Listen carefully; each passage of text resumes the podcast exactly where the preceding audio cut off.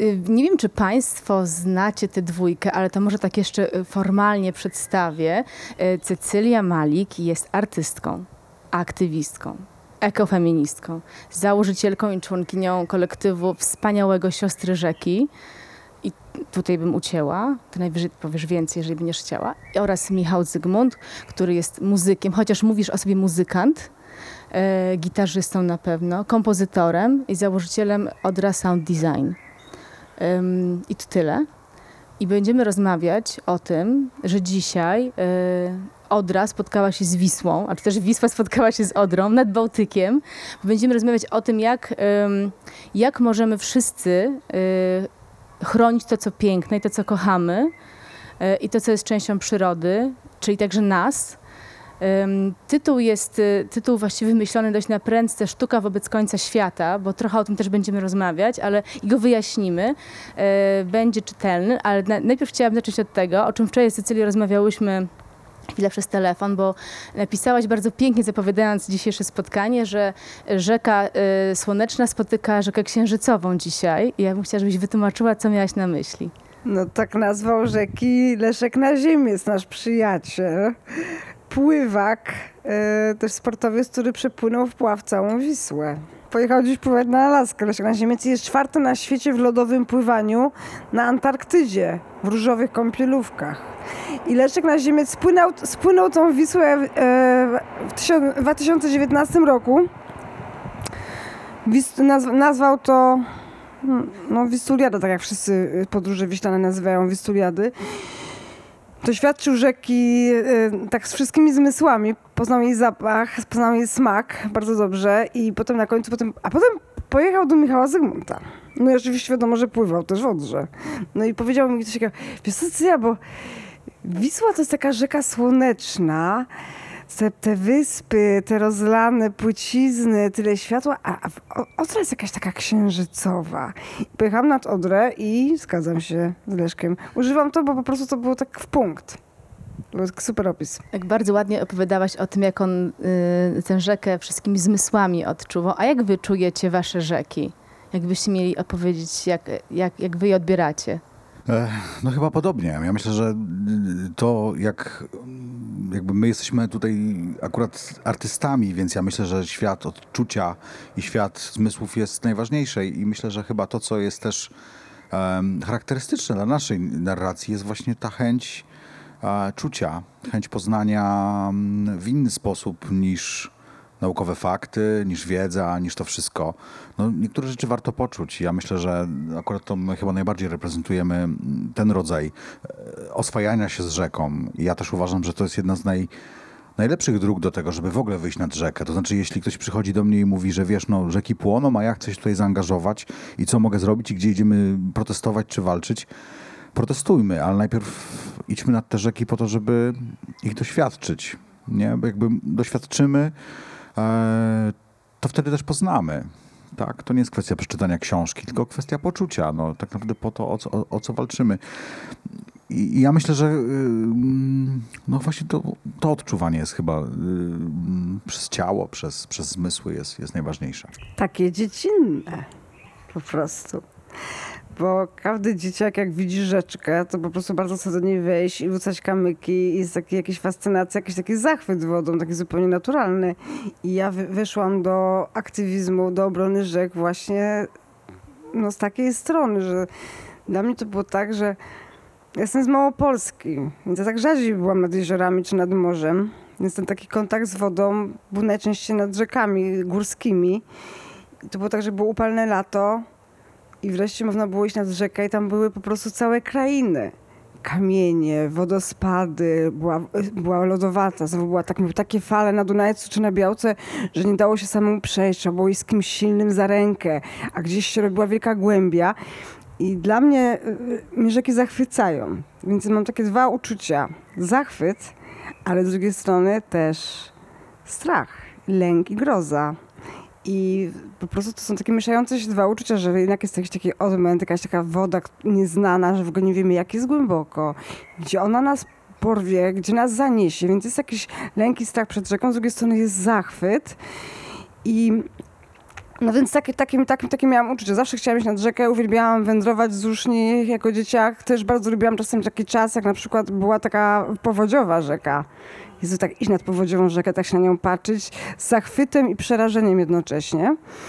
No i potem mój aktywizm rzeczny zaczął się od tego, o właśnie takiego podobnego doświadczenia. I wymyśliłam sobie, że spłynę wszystkimi krakowskimi małymi rzeczkami ręcznie robioną łódeczką.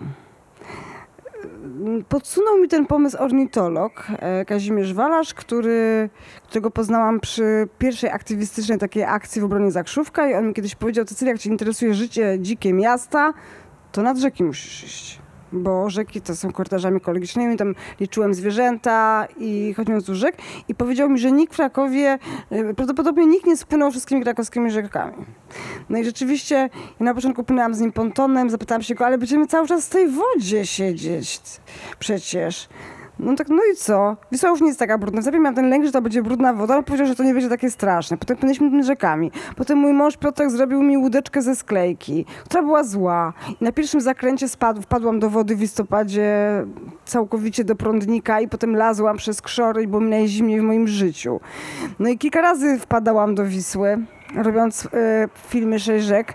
Na przykład koło chciałam mieć na filmie wzburzoną, groźną Wisłę, więc wsiadłam do mojej łódeczki bardzo blisko zapory, przewóz i zaczęła mnie woda ciągnąć w kierunku zapory i musiałam wyskoczyć po prostu z tej mojej łódeczki do wody. Miałam taką przygodę, że płynęłam znowu tą, na tej mojej łódeczce malutkiej środkiem Wisły w Krakowie i nagle je, jedzie za mną motorówka z policją wodną, brzegiem jedzie straż pożarna i drugi radiowóz. Ja tak się po chwili zorientowałam, że oni chyba wszyscy do mnie jadą. No i potem ja im powiedziałam, ale ja jestem dorosła i mam w ogóle tutaj kapok, a ja już wiem, że trzeba mieć skończone 17 lat i każdy może pływać, tylko trzeba mieć kapok. A oni, tak, tak, tak, wszystko dobrze. Dostaliśmy telefon, że dziecko płynie samoróbką. Ja miałam różową kurteczkę i czerwoną czapkę. Więc właśnie zaczęło się to od takiej przygody. Od strachu i zachwytu, od tych takich bardzo mocnych uczuć. No i potem już e, tak się wciągnęłam w ten temat, że zorganizowałam pierwszy protest w obronie Białki, poznałam rzecznych aktywistów i dowiedziałam się, że są ludzie, którzy chcą nam niszczyć te rzeki, a no więc się, zajmuję się tym od 10 lat. Dziękuję. A ty, Michale? Kiedy zostałeś aktywistą? Bo, Ja e, się w ogóle nie czuję aktywistą. Ja się czuję facetem, który mieszka nad Odrą i się tucze o swoją rzekę. Nie czuję się, em, nawet jeżeli część z tych moich akcji rzeczywiście ma wymiar aktywistyczny, to ja się jednak czuję artystą z Nadodry, który się po prostu walczy mm, o przyszłość tej rzeki. Właściwie dla mojej córki e, to wszystko robię. A zaczęło się chyba też w bardzo podobny sposób. Ja się wychowałem nad rzeką, ja się wychowałem nad Odrą, całe życie mieszkałem nad Odrą i oczywiście mam te swoje wspomnienie... Mm, no bo jednak kraina dzie- dzieciństwa łączy nas bardzo mocno z rzekami. Jeśli byśmy zapytali, to Cecylia czy tak pięknie opowiada, że no każdy ma swoje doświadczenie z rzekami i najczęściej są to cudowne doświadczenia, no bo tam się całujemy po raz pierwszy, bo tam idziemy raz, za rękę po raz pierwszy, a często palimy tam pierwszego papierosa, jest tam pierwsza imprezka. Więc jakby tych, mm, tych powodów jest bardzo dużo i, i odkrywa się to w taki sposób. A później już odkryłem ją jako dorosły człowiek, i mnie nad rzeki przeciągnął dźwięk. Ja zacząłem nagrywać dźwięki natury, a właściwie realizowałem projekt, płytę, gdzie mm, częścią tego projektu miały być dźwięki natury i dostałem wielki pakiet nagrań nieżyjącego już leśnika, który robił nagrania przeróżnych e, odgłosów polskiej przyrody i przyznam, że jak usłyszałem te dźwięki, to oszalałem, że to można tak u nas takie dźwięki usłyszeć. Pomyślałem też, że mogę zrobić to lepiej niż, e, niż to, co słyszę i wszedłem i nagle usłyszałem, że ten świat po prostu brzmi dźwiękami dla mnie mm, jako muzyka zupełnie nieznanymi.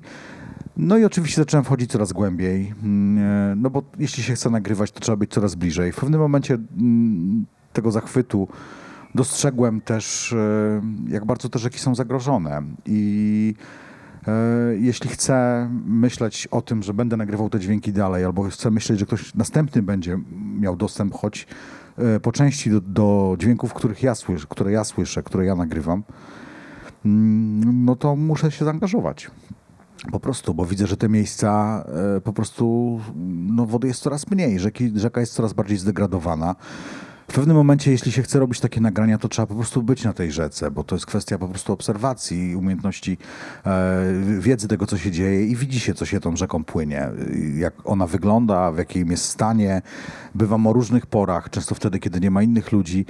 No i nagle nie, nie można być obojętnym, trzeba po prostu krzyczeć, nie? To jest trochę tak, y, jakby ktoś przychodził pod którykolwiek z naszych domów, gdzie żyjemy i mieszkamy i po prostu wylewał nam tutaj chemię, ścieki, robił cokolwiek.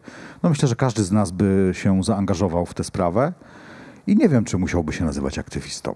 Zapytałam o ten aktywizm, bo ty powiedziałeś em, Ademowi Robińskiemu właśnie w wywiadzie, który się ukazał e, w tym numerze specjalnym wokół wody, że rok temu przestałeś być artystą i stałeś się aktywistą, że to był taki moment w twoim życiu, kiedy uznałeś, że odchodzisz na razie od działań i całą energię kierujesz po prostu w ratowanie tego, co kochasz.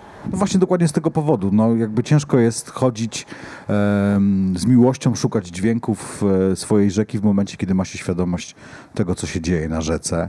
E, No to chyba prosta, prosty temat. Jakby to nie jest czas świętowania. Jakby przyjeżdżam z Odry, która e, nie jest w lepszej sytuacji, wypatrujemy kolejnej katastrofy i raczej to się szybko nie zmieni, wobec czego no na tę chwilę e, społeczny aktywizm jest potrzebny, ale powoli też e, wracam do tego, żeby jednak zachwycać się rzeką, bo mm, tak jak mówiłem na początku, jeśli nie, mm, no to jest podstawowa rada, jeśli chcemy mm, rozmawiać świadomie o rzekach, to bez serca się nie uda, bez naszej obecności tam to się po prostu nie uda. I tyle, więc musimy być na rzekach. E, My to jesteśmy nad pięknym e, Bałtykiem. Dzisiaj akurat świeci słońce. E, Zresztą byliśmy we trójkę, um, zmoczyliśmy stopy w wodzie.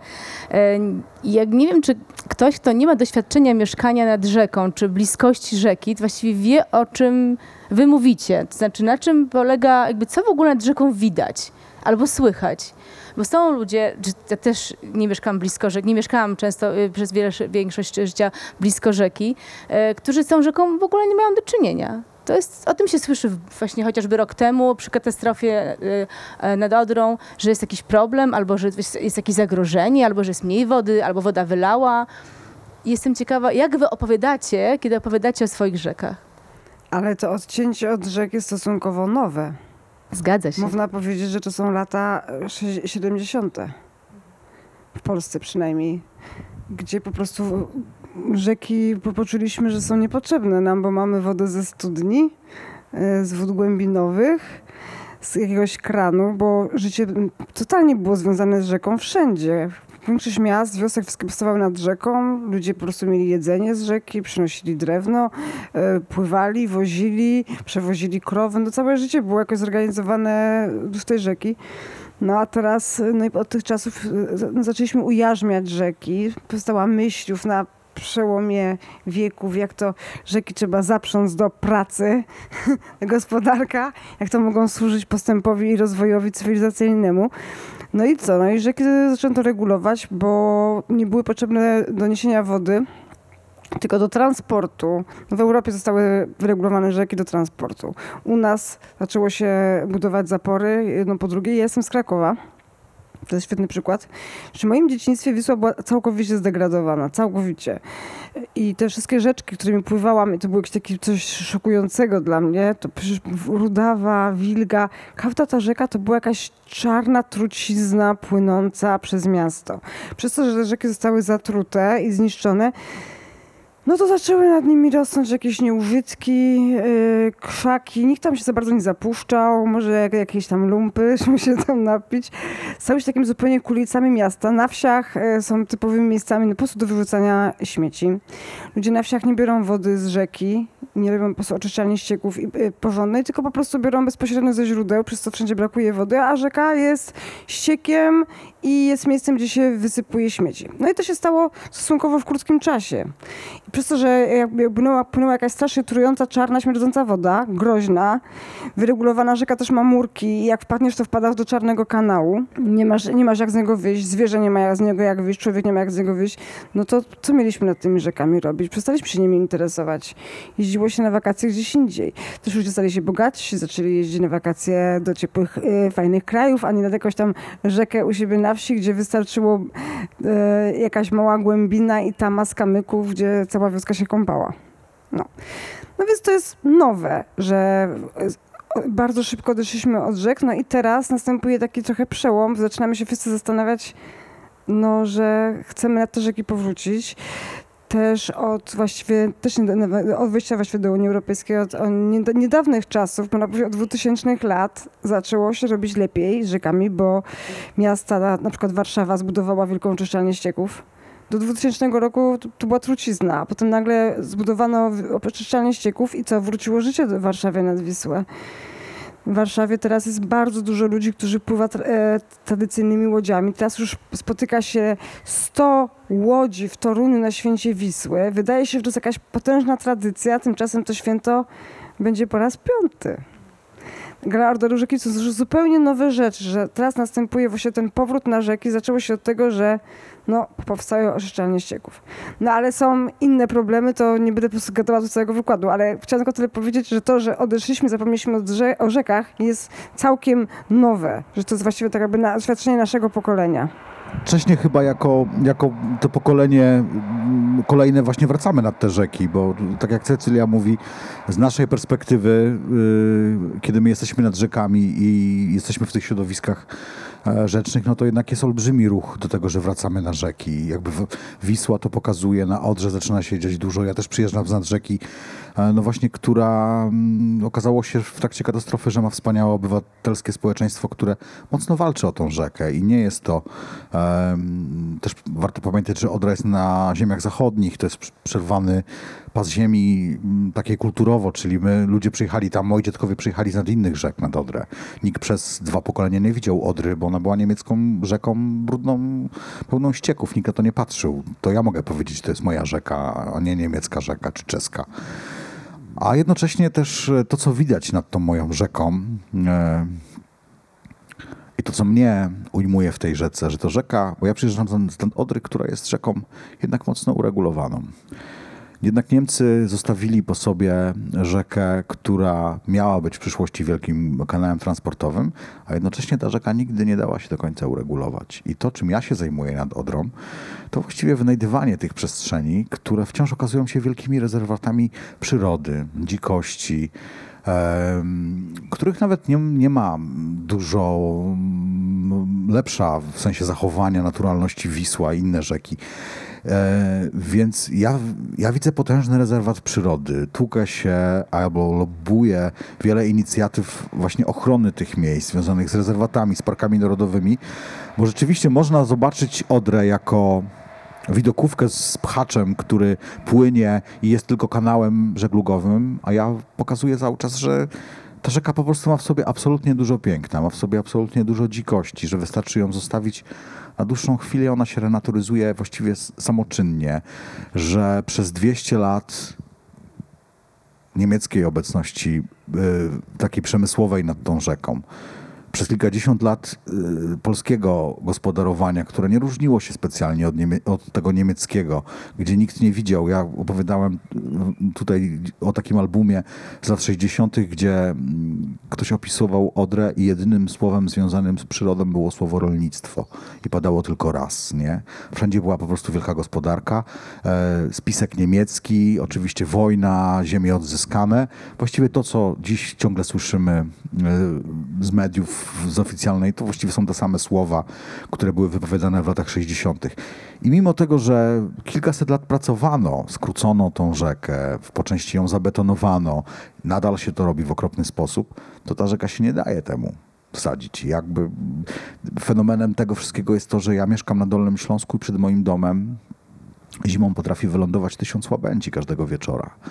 Kiedy kończą lądować, po 15 minutach lądują setki żurawi, a potem przelatuje kilka tysięcy gęsi. Pokażcie mi takie miejsce.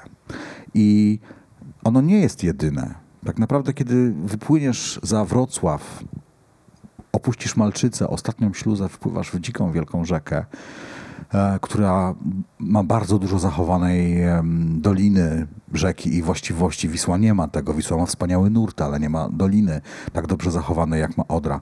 Kiedy w tym roku, w kwietniu, po 1300 kilometrach spędzonych na łódce, wpłynąłem, pamiętam moment na ujściu Warty, kiedy wpłynąłem na Odrę, pierwszym dźwiękiem, jaki usłyszałem, był potężny krzyk mnóstwa gatunków ptaków. Naraz, po prostu w momencie, kiedy tylko opuściłem wartę i wpłynąłem na nurt Odry, usłyszałem bielika, usłyszałem kanie, usłyszałem dudka.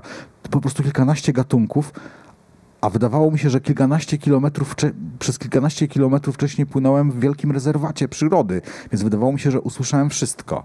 I to jest fenomen Odry, że ona mimo wszystko cały czas nie daje się. Em, jakby chwila nieuwagi powoduje, że ta rzeka natychmiast dziczeje po prostu.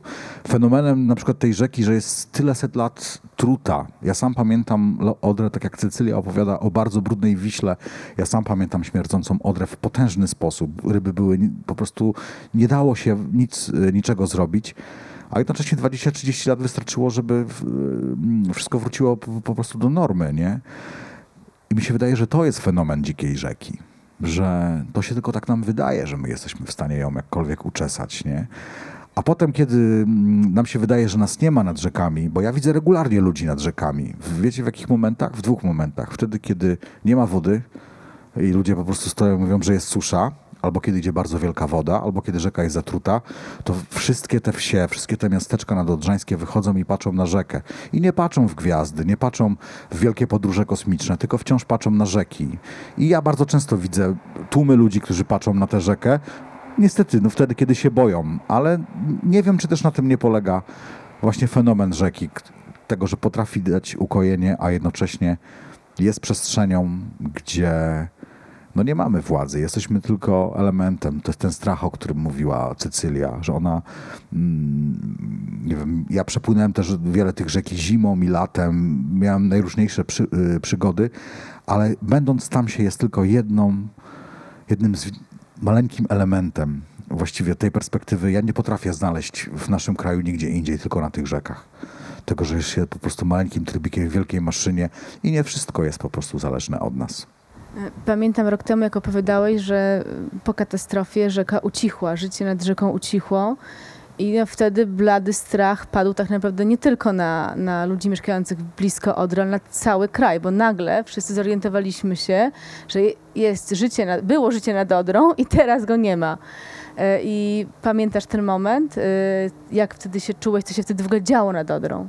Pamiętam go bardzo dobrze. E, Mi przypadła nie- nieszczęśliwa rola sygnalisty, tego, który, który widział to jako jeden z pierwszych, to co się dzieje, a jednocześnie ja już tam kilka miesięcy wcześniej e, czułem, że to nastąpi, bo wszystkie e, symptomy, to co widziałem, to co płynęło rzeką, wskazywało na to, że coś się będzie działo. Nikt oczywiście nie wiedział o żadnych złotych algach na początku. Ja podejrzewałem, że to jest fenol albo że to jest coś takiego. Pamiętam, że w momencie, kiedy szły pierwsze ryby, na takiej wyżowej fali zrobionej przez sztuczne piętrzenie i to się wszystko przesuwało, to pamiętam, że wsiadłem w samochód i przejechałem, mm, jechałem na jakiś koncert, ale nadrobiłem drogę. Jechałem po kolei do wszystkich miejscowości leżących poniżej, bo wiedziałem, że jest lato, że tam są tysiące ludzi, którzy się kąpią, bo wtedy jeszcze to był jakiś moment, kiedy ja pływałem po tej rzece. Robiliśmy jakiś projekt, statek kultura, e, kultury, przepłynęliśmy wtedy dużo modre. Ja widziałem po prostu tysiące ludzi, którzy się kąpią. Widziałem zwierzęta, które się pasą nad tą rzeką i wiedziałem, że nikt o tym nie wie. Że po prostu po kolei, kilometr za kilometrem, godzina za godziną przesuwa się fala, która niesie śmierć. Na początku nikt nie wiedział o tym, że jest to złota alga. Tak jak mówiłem, podejrzewaliśmy. Był nagle, wiecie, po po kilku dniach się okazuje, że to może rtęć, tak? I, i wtedy zrobiło się głośno. I pamiętam, że pierwsze kilka dni odbierałem nieustanne telefony od ludzi, których znałem albo których nie znałem. I którzy pytali mnie, słuchaj, a czy ja mogę robić dalej ten rejs? Mam dzisiaj wesele, bo mam restaurację nad rzeką, czy ja mogę robić to wesele? Więc to były takie mm, tego rodzaju pytania. No śmieszne jest to, że ludzie nie mogli zadzwonić do instytucji, bo instytucje po prostu albo nie odbierały telefonów, albo nikt im niczego nie mówił. I nagle się okazało, że cały system komunikacji opiera się na gościu z dreadami, nie? To jest, jakby wiecie, to jest druga największa rzeka w kraju. Tak jak mówię, tysiące ludzi będących w wodzie. W tamtym momencie nabity, na, nabi- na, nabita narracja, że jest to rtęć, a ludzie nie mogą się dodzwonić do instytucji. I instytucje im nic nie mówią, więc oni w desperacji dzwonią do gościa z dreadami. Wiecie, co chodzi? To jednocześnie bardzo pokazuje problem tych rzek. I tak naprawdę to jest katastrofą tych rzek, nie? że e, system po prostu absolutnie nie działa, że pieniądze, które jako podatnicy płacimy za utrzymanie tych rzek i są po prostu pieniędzmi, które osuszają. No, słuchajcie, jest, po owocach ich poznacie, zwróćcie uwagę. No, możemy sobie opowiadać różne historie, ale jeśli druga największa rzeka w kraju jest zatruta, czekamy na kolejną odsłonę tej katastrofy. Wisła ma dokładnie takie same parametry. Widzimy na co dzień, co wyprawiają lasy, co wyprawiają wody polskie. No ile będziemy jeszcze się ściemniać, że to w ogóle działa? Po prostu ocknijmy się. Być może nasze dzieci nam za to podziękują. E, właśnie te dzieci są też dla was taką motywacją do działania. I ty, Cecylia, mówisz w wywiadach często, że chciałabyś, żeby twoje dzieci wychowywały się i dorastały w bezpiecznym, zdrowym środowisku, pięknym, e, gdzie rzeki są czyste i są do rzeki, na które można przychodzić, w których można się kąpać. Ty też często, Michale, wspominasz o swojej córce. Chciałbyś, żeby się wychowywała właśnie w też takiej pięknej, bezpiecznej, zdrowej przyrodzie. To jest silna motywacja. E, Co was jeszcze motywuje, ciebie Cecylio, do działania? Bo ty, pamiętam, zresztą pamiętam rok temu, jak obeszłyśmy w marszu dla Odry nad Wisłą i e, którą, który Tomasz kończy, kończył zresztą koncert Michała i właśnie szłam obok ciebie, blisko ciebie, myślałam sobie, ile wy macie energii, siostry rzeki, że kiedy coś się dzieje, przyjeżdżacie i jesteście i pokazujecie solidarność z przyrodą. No, ta historia z Odrą była dla wszystkich nas e, zupełnie wstrząsająca, dlatego, bo już pojawiały się teraz w naszym życiu takie nadzieje, że może jednak będzie coś lepiej, że coś się udało uratować, że ta świadomość wzrasta, a tu nagle, no w ogóle dla mnie taka historia, ja byłam w ogóle rok wcześniej nad Odrą, u Michała na projekcie, gdzie przyjechałyśmy raz, raz siostry rzeki przyjechały nie protestować przyjechały celebrować, że w Polsce wydarzyło się coś dobrego dla rzeki i to właśnie wydarzyło się nad Odrą. Bo mało kto wie, że w miejscowości pod Lubiążem, koło wiosek Tarchalice i Domaszków, zrobiono najlepszy prezent rzece, jaki można zrobić. E, Dogadały się gmina Wołów z WWF-em polskim i niemieckim i odsunięto wały od rzeki. Oddano rzece przestrzeń, zrobiono po prostu, oddano rzece dolinę, dzięki czemu powstały wspaniałe łęgi odrzańskie, które już kilkukrotnie uratowały biowioski przed powodzią, a zarazem odżyła na nie cudownie przyroda i my z tej okazji pojechałyśmy tam z koalicją Ratujmy Rzeki, z Fundacją Green Mind, yy, świętować tam Światowy Dzień Rzek. Wybraliśmy właśnie Odrę, żeby powiedzieć Polkom i Polakom, słuchajcie, coś dobrego wydarzyło się dla rzeki, nikt o tym nie wie, a to jest takie wspaniałe.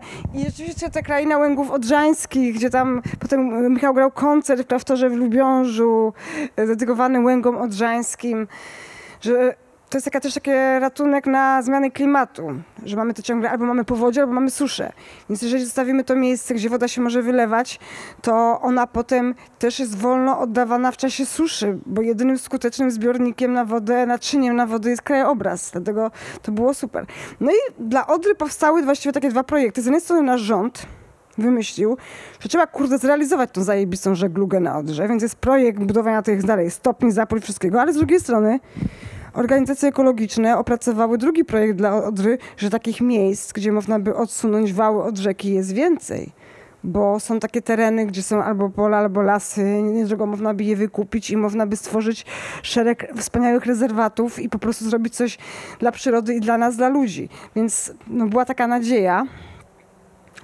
I dokładnie rok później oglądamy w wiadomościach, że ta rzeka że żyją, płyną po prostu tysiące, mm, może nawet miliony martwych ryb, to było nas straszne, więc pomimo wakacji skrzyknęłyśmy się, jedziemy do Warszawy, bo jest y, marsz żałobny dla Odry. Jak to siostry rzeki, zrobiłyśmy oprawę, żeby to jakoś wyglądało. Zrobiłyśmy wielki transparent czarny i flagi. Po raz pierwszy w życiu malowałyśmy śnięte ryby. No i ja teraz tydzień temu byłam nad Odrą.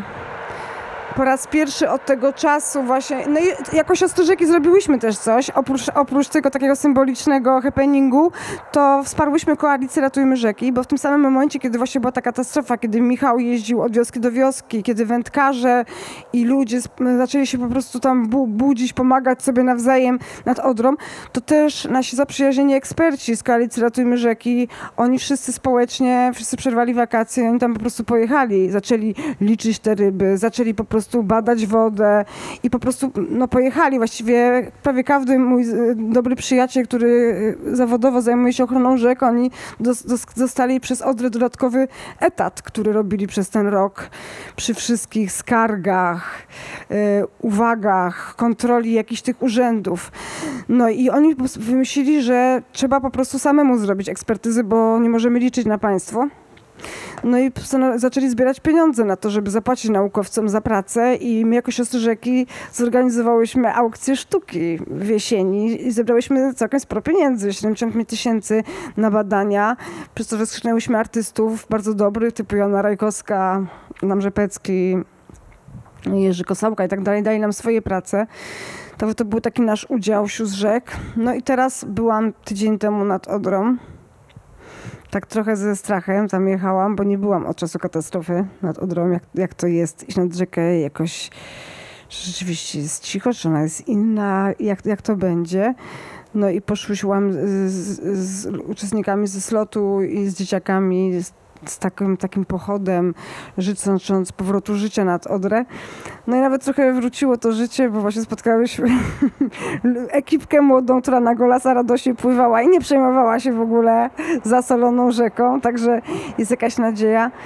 No, także rzeczywiście to było takie bardzo mocne doświadczenie dla nas wszystkich. Na przyja- zaprzyjaźnieni ekolodzy mówią, że to była największa katastrofa ekologiczna, jaka była w Polsce ostatnich lat. To, co się wydarzyło. I całe szczęście, że wciąż się o tej katastrofie pamięta i wciąż się o tym mówi. Też dzisiaj z Michałem rozmawialiśmy o tym, że o dziwo, rok po katastrofie cały czas y, się o tym mówi i w związku z tym więcej się wokół Odry dzieje, więcej oczu pilnuje Odrę. Jak to teraz wygląda, Michał, powiedz? No właśnie paradoksalnie, jak zwykle w takich sytuacjach, taka katastrofa zmieniła wiele. Zmieniła oczywiście tego, że ta rzeka nie jest taka jak była, jednocześnie jest taka jak była, bo ja się nadal kąpię w tej rzece. Nawet wczoraj się w niej kąpałem. E, nadal piję kawę rano, kiedy jestem na łódce. Nie mam skrupułów, ta woda jest po prostu tylko słona, ale Ym, zmieniło się wiele, no bo z jednej strony nie ma nadziei. W takim sensie to była też rzeka, w której, nad którą była nadzieja, no bo jednak bliskość Niemiec, bliskość miast, zachodnia, e, zachodnie rubieże Polski, czyli, czyli no, a i wielka przyroda, przyszłość taka związana z turystyką, z agroturystyką, z birdwatchingiem, z tymi wszystkimi naturalnymi formami. I nagle się okazuje, że no, żyjemy nad ściekiem, a nie nad rzeką. Więc wielu moich znajomych zamknęło biznesy, przeniosło biznesy. Nie ma nadziei. Kiedy płynąłem w tym roku na Bugu, to w, wielu miejscowościach faceci wiosną pokazywali mi swoje łódki, że oni tu będą wyciągać, będą wozić turystów. Czekamy, czekamy, panie Zygmuncie, bo tu już po prostu e, jest nasza przyszłość. Na Dodrą trochę nie ma dzisiaj tego nastroju, bo wszyscy raczej patrzą na rzekę, czy nie płyną ryby. Ale jednocześnie zwarło, ta katastrofa zwarła nas jako mm, mieszkańców tej rzeki w sposób nieprawdopodobny. Ja mam nadzieję na zmiany nad tą rzeką, jakiej nie miałem nigdy. I mówię to w momencie, kiedy właściwie wszystkie parametry wody i wszystkie parametry fizyczne wskazują na to, że za chwilę katastrofa się powtórzy, a jednocześnie wiem, ilu z nas e, wykonało olbrzymią pracę, żeby ten temat nie został zasypany, I wczoraj nawet miałem rozmowę z aktywistami właśnie z Warszawy, którzy nie mogą uwierzyć, że jak to jest możliwe, że rok czasu temat jest ciągle w mediach. Wszyscy się spodziewali, że jesienią już będzie po temacie. Zwróćcie uwagę, że my też widzimy się. Pismo poświęca e, tak wiele miejsca. Nie wiem, ja, ja myślę nawet o mojej perspektywie. Ja w przeciągu trzech ostatnich miesięcy udzieliłem, nie wiem, może setki wy- wywiadów związanych z Odrą. To świadczy o jakimś olbrzymim zainteresowaniu tematem, którego nie było. Ja przypominam, że pięć lat temu to nas tam dziesięciu krzyczało nad Odrą. Więc jakby zmienia się wiele. Jest potężne obywatelskie społeczeństwo, które nie da sobie już teraz. Pamiętajcie, że to myśmy wyłowili te ryby. Rękami wyławialiśmy te ryby, myśmy dzwonili, myśmy załatwiali wszystko, a Grubarczyk nie wziął nas do konsultacji przy specustawie. Przypominam o tym. Ludzie są wkurwieni. I to bardzo poważnie, bo jak masz rozmawiać o przyszłości nad rzeką? Ktoś opowiada ci o jakimś wielkim biznesie, o jakichś barkach, a przecież te biznesy, drobne, lokalne biznesy moich znajomych padają. Tak, wszyscy czują ściemę. Ktoś przychodzi, po prostu ich ściemnia. Powiem wam jeszcze więcej. Środowisko żeglugowe nie jest również entuzjastą tych pomysłów. O tym też warto pamiętać, że ten cały konflikt kreowany jako konflikt eko-oszołomów, którymi my jesteśmy z żeglugą, jest sztucznie wykreowanym konfliktem, bo jeżeli się przyjrzycie, to najwięksi lobbyści żeglugowi, tacy jak Rada Kapitanów, czyli rada złożona z kapitanów żeglugi yy, takiej barkowej, oni się wycofali z, tych, z tego wszystkiego. Bo wiedzą, że tak naprawdę działania Ministerstwa Infrastruktury nie zmierzają do tego, żeby budować jakąkolwiek żeglugę. Polegają na betonowaniu rzeki, po prostu na przepalaniu pieniędzy, na robieniu jakichś wspomnianych inwestycji. Przypominam, że właśnie za miliardy euro wsypujemy kamienie do rzeki, buduje się, odbudowuje się główki, e, które jeszcze szybciej przyspieszą po prostu spływ tej wody, a jednocześnie, żeby te główki zadziałały dla żeglugi, potrzeba byłoby je zbudować odbudować z obu stron, a buduje się tylko po polskiej stronie, bo po drugiej stronie są Niemcy. I nie, oni tych główek nie odbudują. Czyli wykładamy miliardy euro i budujemy zamek, który się zapina tylko do. Jakby jest jedna strona zamku, wiecie o co chodzi, drugiego nie ma. Więc nie będzie ani ekologii, ani żeglugi. Nie? To wszystko to są działania tylko i wyłącznie pozorowane. To wszystko jest pilnowanie, żeby teraz w sierpniu, kiedy politycy mm, rządzący objeżdżają Odrę, bo są wybory, więc bardzo się pilnuje wszystkich parametrów. To jest wręcz yy, nieprawdopodobne, jak bardzo się pilnuje teraz tego, żeby nic się po prostu nie wydarzyło. Co też świadczy o tym, że mm, to, o czym mówią naukowcy, to, o czym mówią My akurat z Cecilią reprezentujemy e, poglądy koalicji Ratujmy Rzeki i opowiadamy się raczej mm, po tej stronie, ale ja myślę, że strona rządowa równie dobrze wie, co się dzieje, bo jeśli ja widzę, mm, jakie działania są robione dzisiaj na rzece, to nie mam wątpliwości, e, że bardzo dokładnie znamy przyczynę tej katastrofy. Ale zmierzam do tego finału. Ja myślę sobie, że za kilka lat oni sobie już z nami nie poradzą. Już się boją, i widzę to i czuję to. I pamiętam początkowy, początkowy okres katastrofy, kiedy em, prezes Wód Polskich opowiadał w Cigacicach rzeczy niestworzone. I myślę, że dzisiaj nie byłby już, nie miałby już takiej odwagi. Nawet nie mają odwagi spotkać się z nami tak naprawdę, bo wiedzą, że e, wkurw jest totalny, nie? Jest totalny. 5 sierpnia działamy w Cigacicach i naprawdę myślę, że zobaczcie to na jedynkach, bo tam się to nie kończy po prostu dobrze. W zeszłym roku e, o Mały Włos nie skończyło się po prostu wielką rozrubą, co też świadczy o emocjach, nie? Jeżeli ludzie są w stanie generować takie emocje dla rzeki, ja jestem spokojny o jej przyszłość. I mówię to chyba w najtrudniejszym momencie. Największym zagrożeniem, ostatnim zdaniem, e, spuentuję to wszystko, jest to, że ta katastrofa się za chwilkę wydarzy ponownie. Pamiętajcie, nie ma 50% ryb i 80% mięczaków w rzece. Nie było takiej katastrofy. Nikt nie wie, jak odbudować te mięczaki. Ryby wrócą. To jest prosty temat. Z mięczakami nikt nie wie, jak to, jak, jak to zrobić. E, No ale jeśli teraz popłynie martwe drugie 50% ryb, to w tej rzece nie będzie już niczego. I to jest najtrudniejszy moment. Dlatego my mamy ostatni rok po to, żeby zmotywować, postawić nad rzeką jak największą ilość ludzi. Ja to robię od roku. Właściwie nie robię nic więcej, tylko robię to, żeby nas tam stało jak najwięcej. Bo jeżeli teraz popłyną te ryby i za rok już nie będzie miało co płynąć, to się obudzimy nad tą odrą z lat 70. i 80., czyli nad kanałem ściekowym, gdzie będzie po prostu leciało wszystko, e, no bo nawet nie będzie ryby, która może zdechnąć. To nawet opowiada e, pro- profesor Wziątek na kanale, że kiedy przyjeżdża delegacja rządowa, to zabiera się ją na takie miejsce, gdzie w tym kanale już nie ma żadnego życia i mówi się, patrzcie, wszystko dobrze, nie ma ryb zdechłych nie? E, to, to, no, jest to też sposób, nie? Na to. E, więc to jest chyba naj, najtrudniejsze zagrożenie, tak? Że po prostu nie zmotywujemy się na tyle, żeby postawić granice. Ale jak mówię, jestem spokojny. Jestem coraz bardziej spokojny. Właśnie miałam pytać o, ten, o to, jak poszerzać krąg zaangażowania, bo to, co jest trudne w takim byciu sygnalistą czy aktywistą, to jest to, że no, kolejna zapałka się wypala. Ktoś ma siłę, ale ta energia się gdzieś tam rozkłada i wypala. Więc jak poszerzać krąg osób, które mogą tę pałeczkę przejąć i żeby było ich coraz więcej? Cecylia, jaki ty masz sposób? Czy ja mam wrażenie, że wasze akcje performatywne są tak kolorowe i przyciągają taką uwagę, że jest coraz głośniej za każdym razem. Jak ty to widzisz? No, no mam takie uczucie, że jak jakaś, jakaś grupa osób, nawet mała, z coraz wielką siłą i w piękny sposób coś robi, to działa to bardzo przy, przy, przyciągająco. Mogę wam powiedzieć, bo wiecie co, ja, ja po prostu nigdy nie wiem, co będzie za rok. Ja nic nie planuję. I te wszystkie rzeczy, te siostrożeki, to każda akcja po kolei nawet mnie zaskoczyła. Więc bardzo mi trudno powiedzieć o strategii, bo w zasadzie jej nie mam. Tylko te rzeczy po prostu jakoś przychodzą. Po płynie, niesie mnie ta wielka rzeka, nie wiem, co będzie za następnym zakrętem. Tak się to po prostu wydarza. Ale y, no tak. Miałam taki moment w swoim życiu, że już byłam znaną ekolożką, która robi dobre, skuteczne protesty i dwa, otrzymuję kilka maili dziennie z prośbą, że trzeba coś ratować. To jest bardzo ciężka sprawa. Dostawać takie maile co chwilę, trzeba ratować świat, a właściwie już wie, że masz już trochę tych znajomych, znasz trochę dziennikarzy i w zasadzie niewielkim wysiłkiem możesz jednak cokolwiek zrobić, więc jak tego nie robić? To bardzo przężające.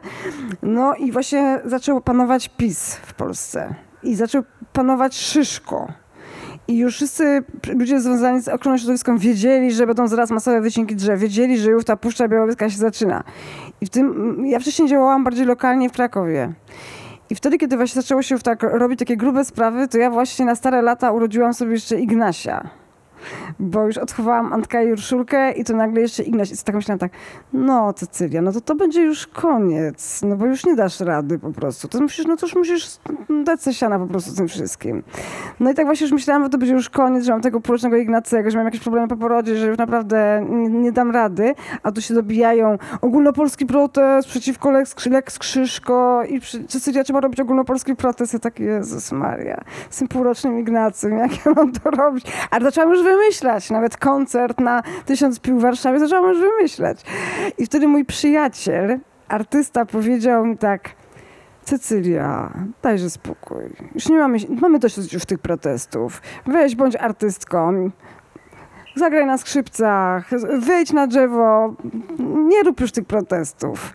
I ja tak pamiętam, że tak wzięłam, tak poszłam spać z tym małym Ignacym, budzę się i tak mówię, otwieram internet. Patrzę się, gdzie mój przyjaciel obroniący drzew wrzuca zdjęcia z wyr- wyrębami. I namówiłam mojego męża Piotrka, żeby ze mną pojechał rano na wyręb i po prostu zrobiliśmy trochę zdjęć. No i między innymi zrobiliśmy zdjęcie, jak ja karmię Ignacego. No i tak, no pomyślałam tak, no, mocne to jest. Matka Polka na wyrębie. To jak kiedyś chodziłam po drzewach, to ja teraz będę po prostu codziennie, e, Ignacy będzie miał śniadanie na innym wyrębie. No tyle mogę teraz zrobić. No bo i tak muszę go karmić, siedzę z nim. I zaczęłam codziennie rano, jak z Piotrek jechał do pracy, to ja po prostu tu, e, zatrzymywaliśmy się na pierwszym wyrębie. I po kilku dniach moje koleżanki, przyjaciółki powiedziały, że chcą to zrobić ze mną.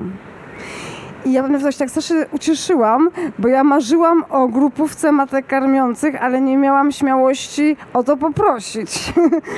No one same się zgłosiły i wtedy zrobiłyśmy w 12, w 12 mam e, happening Matki Polki na Wyrębie i to był taki dla mnie takie niesamowicie mocne przeżycie z tymi wózkami, tarabaniły się te babki po tych wykrotach i potem musiałyśmy tutaj do tej fotografii tak długo po prostu karmić te dzieci.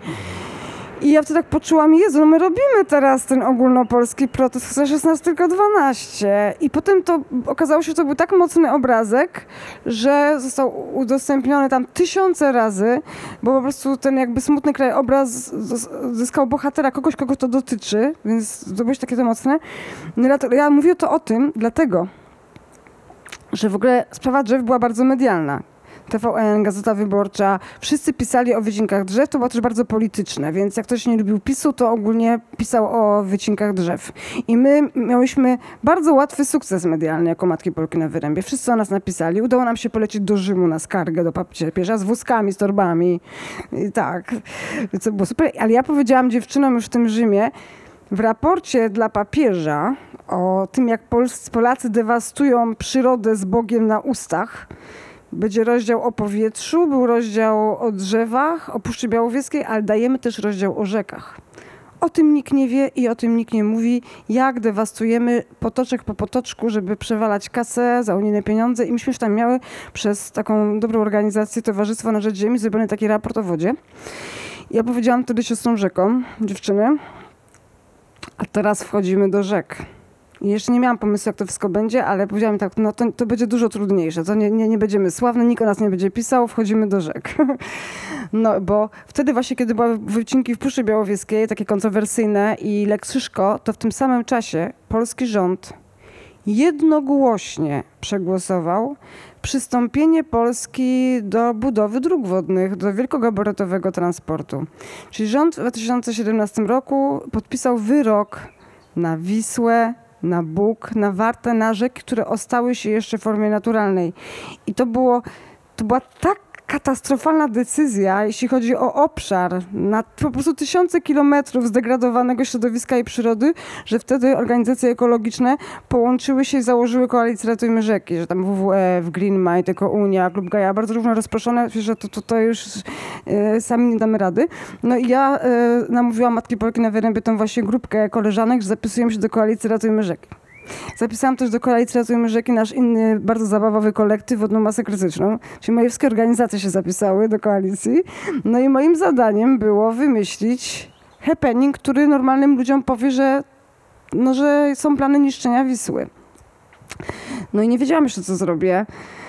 No i jak byłam z moją przyjaciółką, inną mamą, robiłyśmy program telewizyjny o Wiśle, Wistuliada. Wędrowałyśmy i jeździłyśmy wzdłuż Wisły. Ja z rocznym Ignacym, Gocha w ósmym miesiącu ciąży z trzyletnią Hanką. Trafiłyśmy do Muzeum Etnograficznego w Toruniu i takie zmęczone, dzieciaki przyklejały podpisy, kurator był wściekły. Ja ze zmęczenia szukałam wątków feministycznych na, na męskiej wystawie o fisakach. I tylko tak szukałam, Jezu, jakaś rybaczka, jak dobrze. I tak po prostu mam taką głupawkę i po prostu patrzę się, a tu jest figurka, łódeczka, na której siedzi paczka kobietek.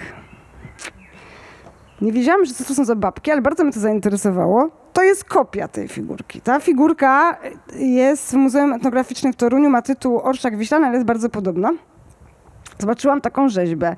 Łódeczka i na niej bliźniaczo podobne do siebie kobietki z mokrymi włosami, z otwartymi buziami. Patrzę, największa podpisana Wisła, a te po bokach, w środku jest woda, a te po bokach Dunaje, Coła, Przemsza, Nida, Wkra, Osa, Bzura. Po prostu lewe i prawe dopływy Wisły. No i ja wtedy tak do Gochy i do dzieciaków. Patrzcie, siostry rzeki. I tak po prostu poczułam, że tak, no, no to co zrobimy? Na, po prostu rzekami się nikt nie interesuje, więc nie będą ludzie bronić rzeki, tylko na ratunek Wiśle po prostu muszą przyjść rzeki. No, przyjdą rzeki, zrobią takie wielkie wezbranie. A babki, koleżanki i kto się tylko zbierze, my po prostu spróbujemy udzielić głosu tym rzekom. No i tak to był pomysł na, na właśnie na siostry rzeki. Potem zaczęłam się zastanawiać, jak mamy wyglądać, żeby było wiadomo, że jesteśmy jakąś rzeką. No wtedy wymyśliłam te tabliczki, jak z mostów, no i tak się zaczęło. No i na pierwszy happening Sióstr Rzek, w którym była też pierwsza konferencja prasowa Koalicji Ratujmy Rzeki, bo myśmy były całkowicie, jesteśmy w Koalicji Ratujmy Rzeki, właściwie powstałyśmy jakby dla Koalicji Ratujmy Rzeki, jako takie jakby artystyczne skrzydło. No, był w Krakowie i przyszło 105 kobiet. I każda napisała maila, jaką chce być rzeką. I myśmy malowały te tabliczki, 105 tabliczek dedykowane osobom. To było coś niesamowitego. Przyszła na przykład poetka syryjska jako Eufrat, który chce wesprzeć Wisłę. Rzeka Loara, francuska. Rzeka Walbona, po prostu to- to- taką czułość, taką jedność. Niemniej jednak w gazetach nie było nic. Ja miałam tyle happeningów w życiu robiłam. Tu Matki Polki na Wyrębie, jesteś po prostu The Guardian, europejsko, a tutaj 100 babek, tak piękne. Ga- W Radiu Kraków czy tam gdzieś smutny kajaczek na rzece. Zdjęcie z happeningu, smutny jeden kajaczek na rzece. Potem pojechałyśmy e, z Fundacją Green Mind i z na tym rzekę do Ciechocinka na miejsce planowanej zapory w Siarzewie. Tam, gdzie, chce się, gdzie ma się rozpocząć rozwalanie Wisły, takie centralne. Pojechaliśmy tam na protest i napisała od nas tylko, e, tylko telewizja Trwam nas pokazała, jakim jesteśmy oszołomami i wariatami. Nikt, Gazeta Wyborcza, to o co wam chodzi, przecież Norenie Jerzy po prostu w ogóle tak to się zaczęło. Także to... z- ale wzięłyśmy, że ludzie są zainteresowani, ludzie chcą w tym brać udział, tylko media są jakby na to, nie są na to jeszcze gotowe. No i tak się zaczęła po prostu nasza droga, to 5 lat już, no i teraz 5 lat jesteśmy w innym miejscu, bo jesteśmy tutaj i rozmawiamy o rzekach. E, Ale te działania przyniosły wtedy przynajmniej skutek taki zamierzony, jaki chciałyście, bo minister klimatu w sierpniu 2021 roku rzeczywiście uchylił decyzję środowiskową dla budowy e, zapory w Siarzewie. Ministra już nie ma, zapory póki co jeszcze nie ma.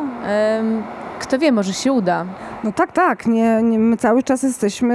Nie, nie, nie. Siostry rzeki będą na pewno istnieć, e, dopóki, dopóki może nie zburzą zapory we Włocławku. Słuchajcie, jak, ja, ja, ja wam polecam, jeśli nie widziałyście, to ja zrobiłam film o początku, o historii sióstr rzek i, o, i tak tłumaczący też sprawę zapory w Siarzewie, pokazujący Wisłę, bo rok później siostry rzeki myśmy spłynęły całą Wisłę. Takim drewnianym galarem, grupka kobiet spłynęła. Byliśmy u ministra Marka Grubarczyka w strojach kąpielowych. Jak Weszłyśmy do mediów przez gazety modowe, bo nie udało nam się przez zwykłe, więc wymyśliłyśmy akcję Moda na rzeki, dzięki którym weszłyśmy najpierw do właśnie Wysokiej Obcasy, Wołga i innych, więc dużo bardzo miałyśmy niesamowitych przygód.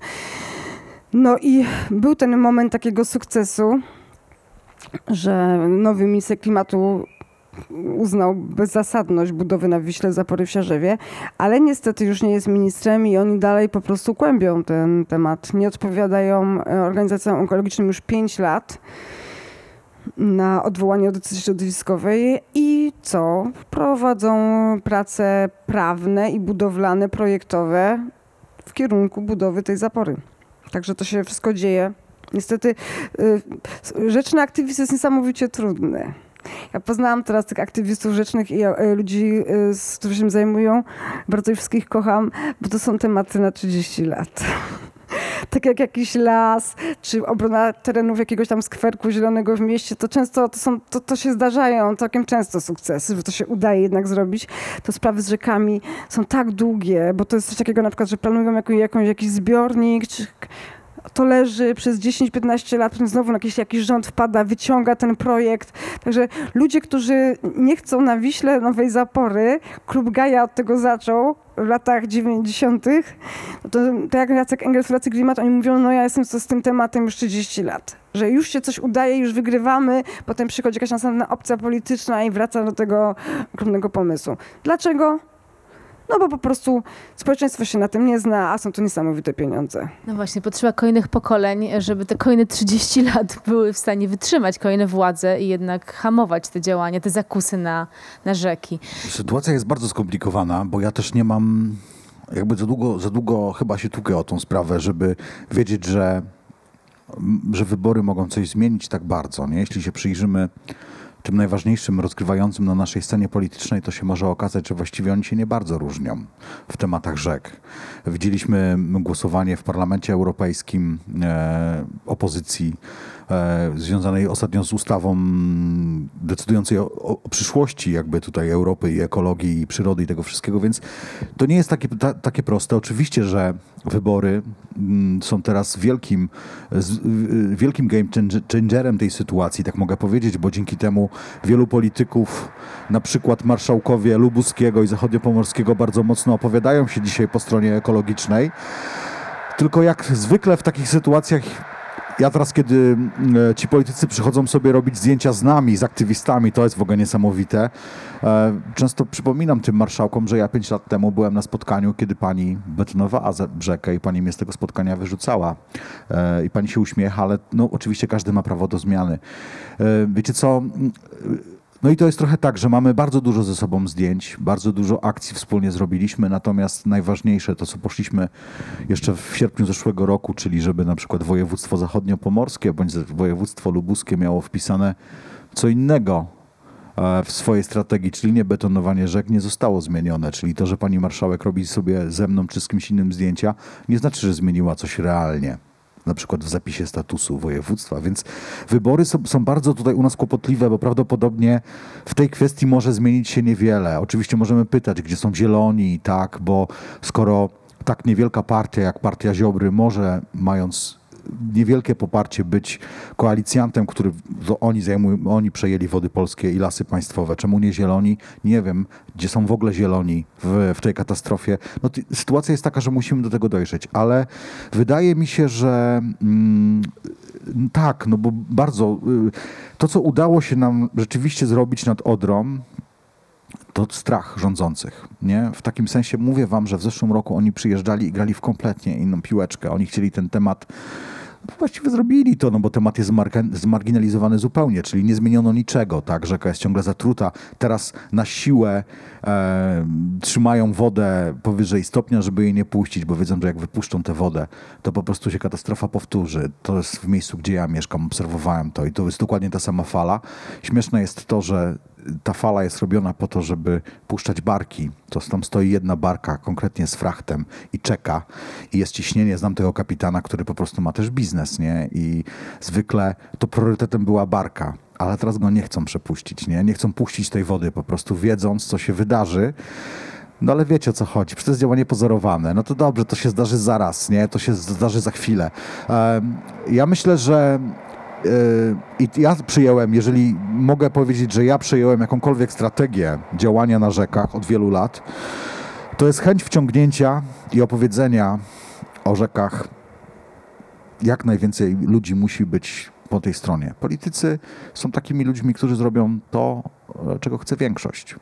Więc nie ma sensu zaczynać od tego, żeby zmieniać polityków, zwłaszcza polityków, którzy dzisiaj nami rządzą, bo są ludźmi, no, którzy odrabiają epokę Gierka.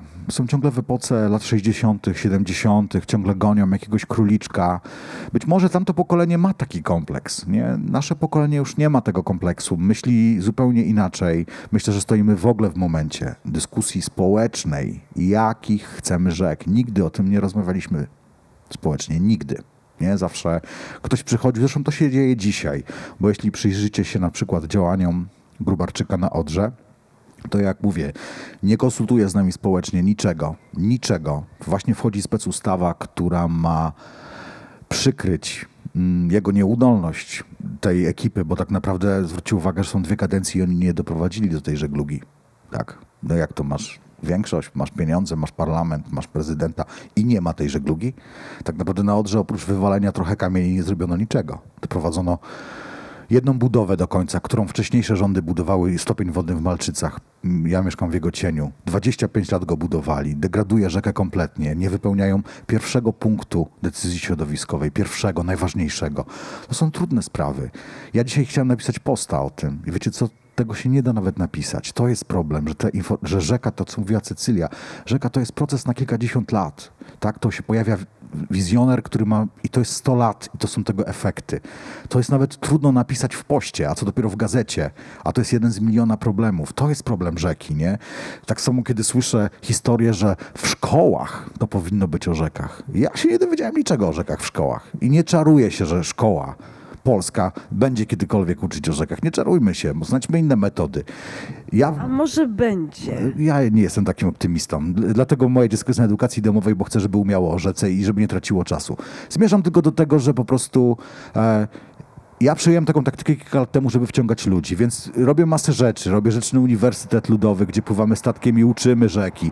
Robię dźwiękoławki, specjalne ławki, że ludzie jeżdżą i słuchają tej przyrody działam na bardzo wielu takich poziomach, które przybliżają zwykłych ludzi do rzeki. Czyli kiedy idę na spotkanie, ja mówię, ale zaraz, zaraz, tam jest wielka przyroda. Zaraz ja pokażę wam, o co tam chodzi. Wyście nie wiedzieli, że tam jest tysiąc żurawi i wy chcecie to tak zniszczyć?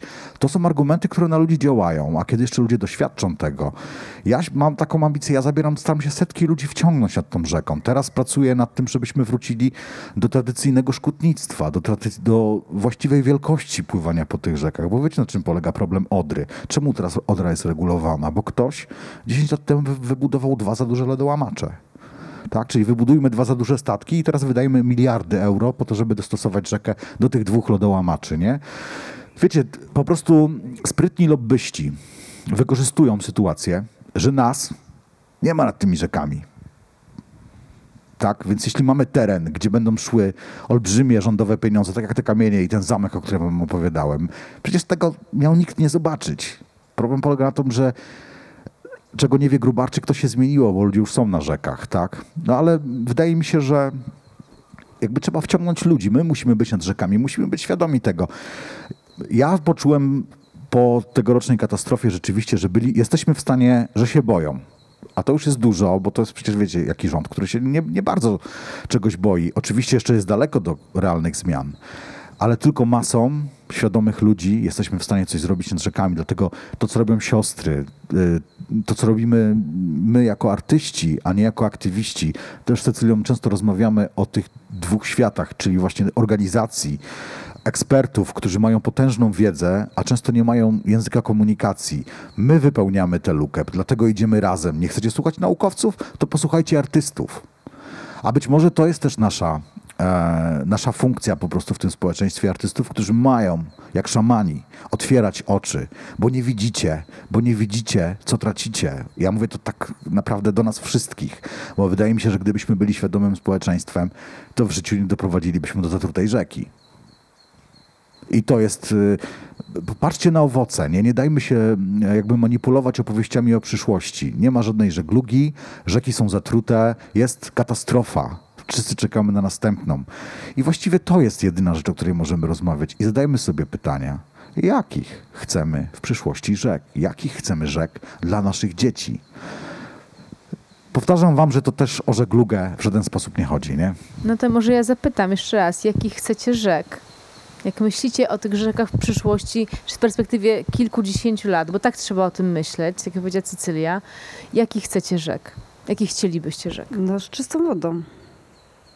Ja marzę o tym, po prostu, ja, żeby stanąć, żeby po prostu móc tak normalnie y, wskoczyć sobie w Krakowie do Wisły i popływać. I to nie jest jakiś bardzo szalony standard, bo w wielu krajach europejskich już udało się to zrobić. Że na przykład w Bazylei płynie turkusowa woda i ludzie w środku miasta się w niej kąpią. Kiedyś tak było i trzeba po prostu do tego wrócić. Y, No, mało o tym myślimy, znaczy ja na przykład staram się też o tym mówić, że w, rzekach płynie słodka woda do picia. No po prostu. No. Najcenniejszy surowiec planety, płynie w rzekach. Y, w- No i trzeba po prostu zrobić, żeby ona była w takim stanie. Bo coraz będzie większy kłopot z wodą, ze zmiany klimatu, wszyscy to wiedzą, płynie coraz mniej wody, zasoby y, wód podziemnych y, są wyczerpywalne. A wody powierzchniowe cały czas są, bo cały czas parują morza, oceany, cały czas spada deszcz, zasila góry, wypływa ze źródeł i może płynąć ta woda dla ludzi, dla zwierząt rzekami. Więc w rzekach powinna być po prostu czysta woda i przyroda, która nam jest bardzo potrzebna. To ja opowiem wam w kilku zdaniach o Odrze, jaką widzę za kilkadziesiąt lat. I widzę tę rzekę właśnie jako, jako rzekę, która, e, z której zdejmiemy część tych oków, którymi żeśmy ją skuli, pozwolimy, a ja znam tę rzekę, powiem wam, jak mało kto. I, I dlatego nie mam strachu o tym mówić. Trzy czwarte tej rzeki nadaje się w każdej chwili do renaturyzacji. Jeśli ktoś wam mówi, że z Odrą to już nie ma co, bo Niemcy ją wyregulowali, to znaczy, że kompletnie nie wie, o czym mówi. Rzeczywiście, nie rozbierzemy e, obwałowań Wrocławia. Nie zrobimy tego, nie zrobimy tego w Opolu. Natomiast poniżej Wrocławia zaczynają się potężne tereny, które Niemcy nawet układając i regulując tę rzekę zostawili po to, żeby się rozlewała. Więc ja, te, ja uważam, że odsuniemy te wały wcześniej czy później. Wierzę, że naciśniemy i robimy, ja to robię bardzo mocno na instytucje, żeby zrobiły porządek ze stopniami wodnymi. Ja mieszkam w miejscu, gdzie odczuwam bardzo mocno e, skutki piętrzenia rzeki, bo mieszkam poniżej Malczyc i u mnie dzisiaj przed domem jest 30 centymetrów wody na środkowej rzece. E, I to jest po prostu wynik nierealizowania decyzji środowiskowej przez Wody Polskie, niewłaściwe użytkowanie stopnia wodnego. Najzwyczajniej w świecie. Lasy łęgowe. Ja mieszkam w miejscu, gdzie są ostatnie takie lasy łęgowe w Europie. Nie ma na Wiśle takich lasów łęgowych. Nie ma na żadnej rzece, jak są na moim odcinku na Odrze. No i tak naprawdę Wody Polskie je rozpiżają. Doprowadzimy do tego, że to się mm, przestanie. Liczę na przynajmniej dwa albo trzy parki narodowe nad Odrą. Myślę o Międzyodrzu, nad którym bardzo mocno społecznie pracujemy jako grupa. Jesteśmy bardzo bliscy tego, żeby przekonać e, nieprzekonanych. Ostatnio założyliśmy, w sensie doprowadziliśmy do tego, że powstał rezerwat. E, Myślę, że może już dzisiaj nawet oficjalnie mm, RDOŚ wpisał do dziennika ustaw i rozlewiska kostrzyneckie stały się tym rezerwatem, walczyliśmy o to 10 lat, walczymy o inne miejsca, więc ja, ja widzę tę rzekę w taki sposób. Widzę, że będzie na nich masa drewnianych łódek, że będzie na nich po prostu nie masa ludzi, bo te rzeki wcale nie potrzebują mas ludzi i nigdy tak, takie nie będą i nie powinny być. Ale wierzę w to, że, e, że wygramy to wszystko, bo mm, no, jakby życie nas trochę też do tego zmusi, nie? W takim sensie, e, jeśli wiemy, ja, ja wiem, co tam się dzieje i po prostu też dlatego ruszyłem, e, dlatego zawiesiłem mikrofon i gitarę na kołku i się tukę, bo wiem, co tracimy, nie? Sądzę, że jakby każdy z nas, jeśli by e, posiądzie tę wiedzę, nie będzie obojętny. Nie ma czasu, kochani, na to, żeby być obojętnym. Nie ma czasu. Można tego spłonąć, ale teraz jest moment walki i teraz jest moment ognia, e, jeśli chcemy o czymkolwiek rozmawiać w przyszłości. No ale dla Wisły też jest tak naprawdę per- perspektywa też prosta. No po prostu można rozmontować zaporę we Wrocławku. Zamiast budować kolejny zapór, bo zapora w Siarzewie ma powstać po to, żeby uratować radziecką myśl techniczną, którą jest zapora we Wrocławku. Bo zapora we Wrocławku jest bez sensu. Ona powstała, miała być e, szlakiem do Bałtyku szeregiem ośmiu zapór, miały być sztuczne, miały być po prostu jezioro, jedno wielkie jezioro do morza, które miały pływać sobie te barki. Ona stoi, już drewniane łodzie turystyczne nie mogą nią pływać, dlatego, bo jest taka erozja dna, że tak się po prostu z drugiej strony Wisła obniżyła przez tą zaporę, że oni już nie mogą za bardzo otwierać tych śluz i mają bardzo duży problem, więc żeby uzasadnić istnienie Włocławka, muszą wybudować następną zaporę, która spiętrzy wodę. No to wtedy będą potem za jakiś czas musieli budować następną. No to jest takie, no, no to o to chodzi.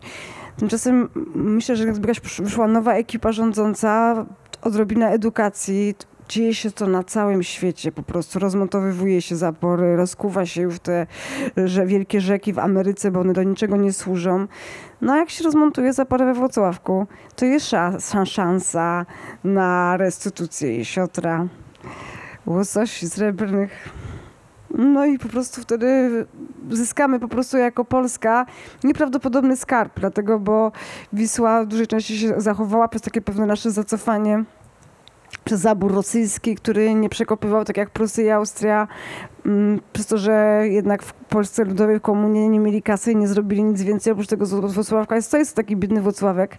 Profesor Wiktor Kotowski, taki autorytet od bagien i mokradeł, jak robiliśmy kilka lat temu protest e, przeciwko zaporze w Siarzewie pod ministerstwem, no powiedział tak krótko, dlaczego on tutaj jest?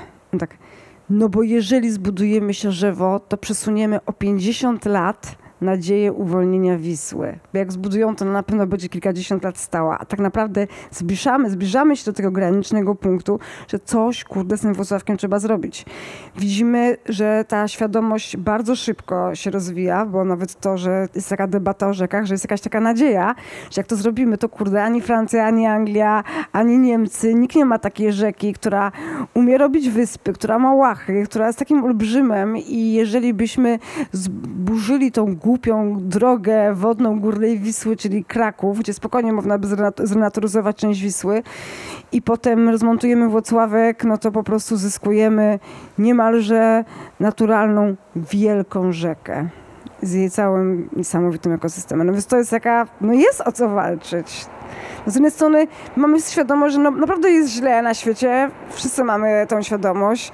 Małe dzie- dzieciaki mają generalnie i młodzież deprechę, wolą uciekać w bajki i wypierają jakby to myślenie o polityce, ale może po prostu no, no warto jest zawalczyć. Ja dlatego tak lubię tych wszystkich aktywistów, tych, no przede wszystkim tych e, e, ekologów wszystkich z organizacji ekologicznych, bo ja, dla mnie to oni są takimi Jediami po prostu że jednak mają ten blask w oczach i chociaż te siły mroku są wielkie i potężne, oni po prostu nie poddają się, dlatego super jest ich wspierać. Ja to cały czas słyszę od Was właściwie gotowe rozwiązania. Yy, może jednak ta edukacja tylko dla rządu i strony rządzącej by tu się przydała, ale wydaje mi się, że też edukacja, mimo tego, co Ty mówisz, Michale, yy, taka prawdziwa edukacja przyrodnicza w szkołach podstawowych, dobrze by było, gdyby się, żeby się znalazła.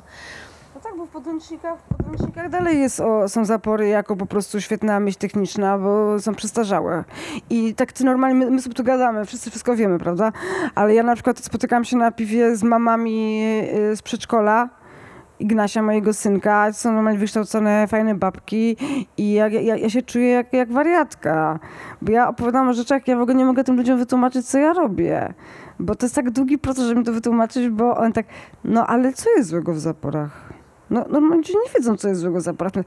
Oglądali sobie Damnation, Zatamowani. No super, że teraz jest ten film Ewy Eward do ostatniej kropli. Szkoda, że na płatnym TVN, że nie jest jako zupełnie dla wszystkich, no ale jednak ludzie wtedy widzą, no kurczę, z kuli pokazują zestawione dwie kanadyjskie z rzeki. Rozwalona i żywa, prawdziwa. Mamy teraz wszyscy w Europie wielką radość, którą niesamowity cud, którym jest Wiosa. Rzeka, na której miało być 30 zapór, jest parkiem narodowym. No i to zrobili ludzie. Jakiś jeden człowiek zaczął namawiać kolejnych. Pojechali do Brukseli. Pomogła im firma Patagonia. Napisał Leonardo DiCaprio na Instagramie. Namówili mieszkańców wszystkich wiosek i no, ona ma ona jest łatwiejsza, bo ona ma 200 kilometrów, nie to co Wisła tam, czy Odra 1000, więc to jest łatwiejsza sprawa. No ale jednak to daje nadzieję.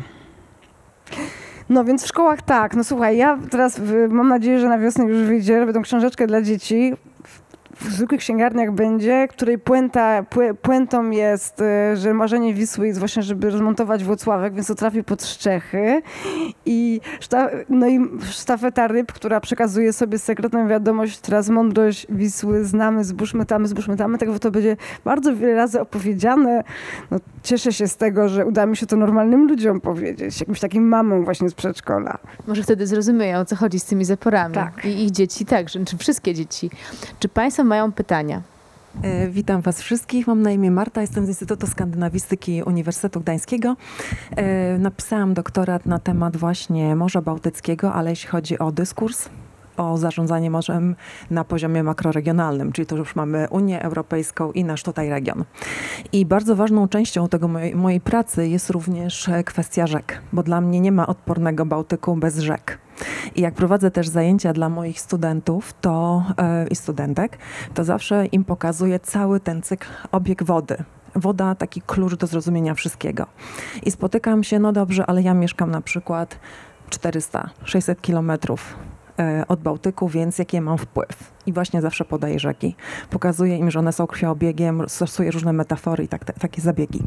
Ale to, e, o co chciałabym teraz zapytać, to e, zresztą po- podkreślić, że jestem niezwykle zainspirowana tym, o czym mówicie i bardzo Wam za to dziękuję. To jest dla mnie bardzo ważne, bo ja bardzo lubię opuszczać kontekst akademicki i wychodzić w przestrzeń. Ale powiedzcie mi, jak Wy w ogóle dbacie o swój taki dobrostan psychiczny? Bo ja wiem, jakie ciśnienie jest na Was. Ja wiem czasami, jak ja czytam o Bałtyku, o tym, co się dzieje generalnie z to jest to dla mnie trudne.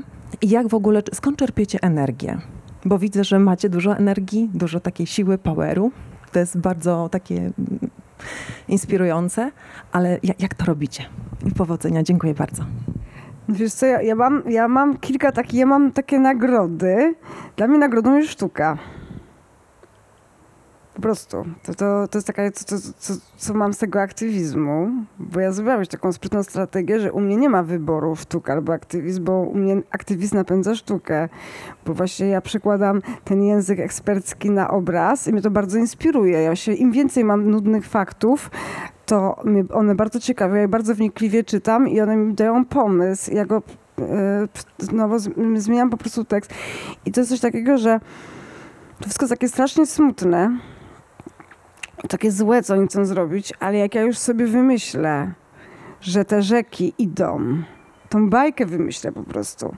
Teraz byliśmy na rozlewiskach Warty, oglądaliśmy po prostu wielkie kopalnie odkrywkowe, które mają być zalewane wo- wodą z Warty. Robią sztuczne po jeziorze. Chcą zrobić to strasznie szybko, żeby się pokazać. Więc wymyślili, że będą jedną piątą Warty wlewać do tych dołów. Nazwali to Riviera Turecka. Jakaś masakra po prostu. Tak mało tej wody płynie w rzece. Tam są te, te ostatnie takie super rezerwaty ptasie. Jak te nie będą nie, się rozlewały, no to to wszystko zniszczą. Jakaś bzdura. No strasznie pesymistyczna rzecz w ogóle. Jak się z taką wiedzą gdzieś przebić? No ale ja sobie wymyśliłam, że siostry rzeki będą mieć skrzydła husarii i będą płynąć na słupach. W tym przepięknym krajobrazie. I ja wtedy się tak cieszę, że to będzie tak pięknie wyglądało. No, że tak i nawet jak to będzie wspaniale zestawione z tymi groźnymi kopalniami, że po prostu tak prze- przeskakuję jakby trochę na inne pole, które daje mi taką energię i radość, że nie jestem tylko w tych smutnych liczbach i faktach, w tych odrzuconych interpelacjach, że mnie ten rząd tak zlewa, w tych porażkach, no bo to są porażki, ale ja mam, ale jest sukces przepiękna, pięknego happeningu sztuki. No i teraz na przykład myśmy zrobili taki bardzo smutny happening jakiś czas temu, bo y, dowiedzieliśmy się parę lat temu, że zlikwidują rzekę Sztołę.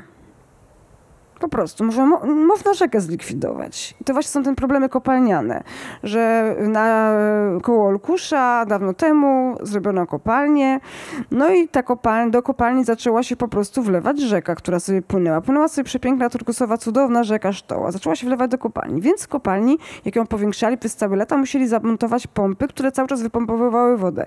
I rzeka funkcjonowała w pewnym sensie trochę sztucznie przez całe lata powiedzmy przez 80 lat, ale funkcjonowała. Pływały po niej spływy kajakowe, był cały ekosystem, była takim jedynym, najfajniejszym terenem rekreacyjnym dla okolic Olkusza. I kilka lat temu stwierdzono, że jednak zamykają tą kompalnię, bo się już nie opłaca, no i że mają gdzieś, co, co, co w takim razie się będzie działo. No i taki profesor z e, Akademii Górniczo- Górniczo-Hutniczej e, Mariusz Czop się zaangażował w ten temat, bo zajmuje się też właśnie likwidacją kopalń że jeżeli oni wyłączą wszystkie pompy, które wyciągały tą wodę ze sztoły, to sztoła zacznie się wlewać do kopalni i będzie wypełniała wyrobisko kopalni przez 30 lat, czyli sztoła wypłynie za 30 lat. Czyli nagle w, jednego moment, w jeden moment zniknie rzeka. Niesamowite, co człowiek zrobił. Zniknie po prostu rzeka. Czyli zginą wszystkie zwierzęta, wszystkie stworzenia, wszystkie bobry, też te całe tereny dla ludzi. Po prostu nie będzie rzeki, która płynęła. No i myśmy zaczęły dostawać maile od aktywistów z Olkusza. Siostry rzeki muszą tam pojechać. Przecież sztoła zniknie. Ja tak, o Boże, nie, przecież dopiero był happening. Nie, to teraz wakacje, właśnie mamy rzucić wszystko i teraz iść ratować sztołę. Cały czas wypieram tą myśl, że nie, nie słucham tego w ogóle. No mogę sobie mówić, no nie mogę ratować wszystkiego. Ale w naszym kolektywie jest y, Kasia Pilitowska, jest dziewczyna, która jest sztołą. I to już była poważna sprawa. No jak to mi nie będzie? Musimy tam pojechać. I też tak chciałam, Boże. Potem druga siostra rzeka się też zaangażowała, bo bardzo znowu lubi współpracę z Mariuszem Czapem. No i w końcu mnie zmotywowały i, i, i pojechałyśmy. Jak już sztoła z dużej rzeki, w której ludzie się kąpali, już była taka, że e, można było ją przekroczyć. I no, czyli tam domagaliśmy się, była posłanka jeszcze jednego z tych posłów, domagaliśmy się, żeby oni zatrzymali tam pracę tych pomp na chociaż na 10%. Musieli po prostu wydawać pieniądze na to dalej. Mariusz Czop się był bardzo zaangażowany w skarżenie, żeby jakoś zmusić po prostu tą kompanię, żeby jednak dalej wydawała pieniądze, żeby utrzymać ten ekosystem. I zrobiłyśmy w zimę taki happening, że wszyscy ludzie, którzy przyjechali na protest, mieli przynieść dzbanki i szliśmy symbolicznie nalewać wodę do rzeki. I my jako siostry rzeki miałyśmy przyczepione do palców takie długie wstęgi, które symbolizowały strumień wody i szliśmy w takiej procesji z wodą, żeby nalać wodę do rzeki. To jest oczywiście niemożliwe, to było jakimś takim obrazkiem, taką utopią. No to było strasznie smutne. No i nie ma sztoły. Zlikwidowali ją. Najgorsze jest to, że jeszcze Polska nie przeżyła tego, co się potem dzieje. Jak Mariusz Czep mówi, że w Ameryce co się dzieje, że te rzeki potem wypływają całkowicie zatrute, że trzeba przesiedlać wioski, bo niosą w sobie me- metale ciężkie. No i zapytałam się Mariusza Czopa, jak on to, jak on z tym żyje, że cały czas przegrywa. On się na mnie popatrzył i powiedział, jak to przegrywamy? Przecież wygrywamy moralnie. No i pomyślałam sobie, że trzeba się tego trzymać i chociaż to jest przegrane, trzeba po prostu to robić. Mm, Ja mam takich kilka e, też motywacji jak Cecylia. M, e, Jakby jedną z nich jest, e, może powiem, zacznę to inaczej. Jakby mm, nie wiedziałem w życiu, że doświadczę na przykład hejtu związanego z taką no, rolą, którą sobie wziąłem w życiu. Wcześniej nawet funkcjonując jako artysta, nie, no nie wiem, no, albo to musi to się podobało, albo nie, co robię. No, okazało się, że kiedy wszedłem na tę drogę, no to, to, że to nie jest takie proste, nie? że na przykład, e, nie wiem, współpracuję z Wielkim Muzeum u mnie na terenie KGHM-u i nagle nie mam tej roboty, po prostu bo pan dyrektor ma zupełnie inne zdanie na ten temat. E, Albo nie, nie wiem, nie dostaję stypendiów po prostu artystycznych. Ja przypominam, że ja nie jestem ekologiem, jestem artystą, który żyje z muzyki i z nagrań dźwiękowych, więc dla mnie na przykład była to potężna zmiana, że jestem hejtowany, że na przykład się, ja też pływając na Odrze to, co czuję, że jest moją siłą, jest jakby obecność na tej rzece. Ja na tej rzece bywam i nawet jeśli się na przykład, nie wiem, nie zgadzam z wieloma ludźmi, którzy żyją czy funkcjonują na tej rzece, to nikt specjalnie nie, nie może tutaj powiedzieć, bo rzeczywiście widzi moją obecność, moją, moją aktywność, moje działania. No ale okazuje się, że jednak obrywa się bardzo mocno od życia w takiej sytuacji i to był dla mnie jakiś taki moment szoku, ale są przynajmniej dwa powody, które dają mi energię. Jeden z nich jest w ogóle odkryciem rzek, czyli to, że ja zacząłem bywać po prostu bardzo dużo na rzekach i nie odbieram sobie tego. Właściwie cały czas kombinuję, wymyślam projekty, żeby znikać na tej rzece i znikam zwykle samemu na drewnianej łódce. W tym roku e, przepłynąłem w 40 dni z, z Bugu na Odrę, 1300 kilometrów. Właściwie w zeszłym roku przepłynąłem chyba z 5000 tych kilometrów tą rzeką. Mam swoją przestrzeń, którą znam bardzo dobrze, w której bywam sam, która mnie ładuje, która daje mi energię i to jest bardzo ważny mój powód, że ja wiem, że są takie miejsca, w których ja tam zniknę i doświadczę najpiękniejszego, największego. Pamiętajcie o tym, że rzeki są przestrzeniami, w których można zniknąć. Ja płynąc z Bugu na Odrę, planowałem, że zrobię Wisłę w trzy dni, ale było tak wspaniale, że, że zniknąłem tam na dwa tygodnie dwa tygodnie między wyspami, gdzie spotkałem tylko jedną osobę, kapitana, który przypłynął do mnie na kawę, bo wiedział, że jestem. Możesz zniknąć, możesz być sam. Gdzie, gdzie mnie zabierzecie w taką przestrzeń w Europie? Wysokie Alpy? No to już wymieniliśmy wszystkie miejsca. Nie ma takich miejsc. A ja jutro mogę zabrać was na moją łódkę, na Odrę. I jest szansa, że dzisiaj, no z racji też tego, że nie ma ludzi nad Odrą ze względu na katastrofę, może nie spotkamy nikogo.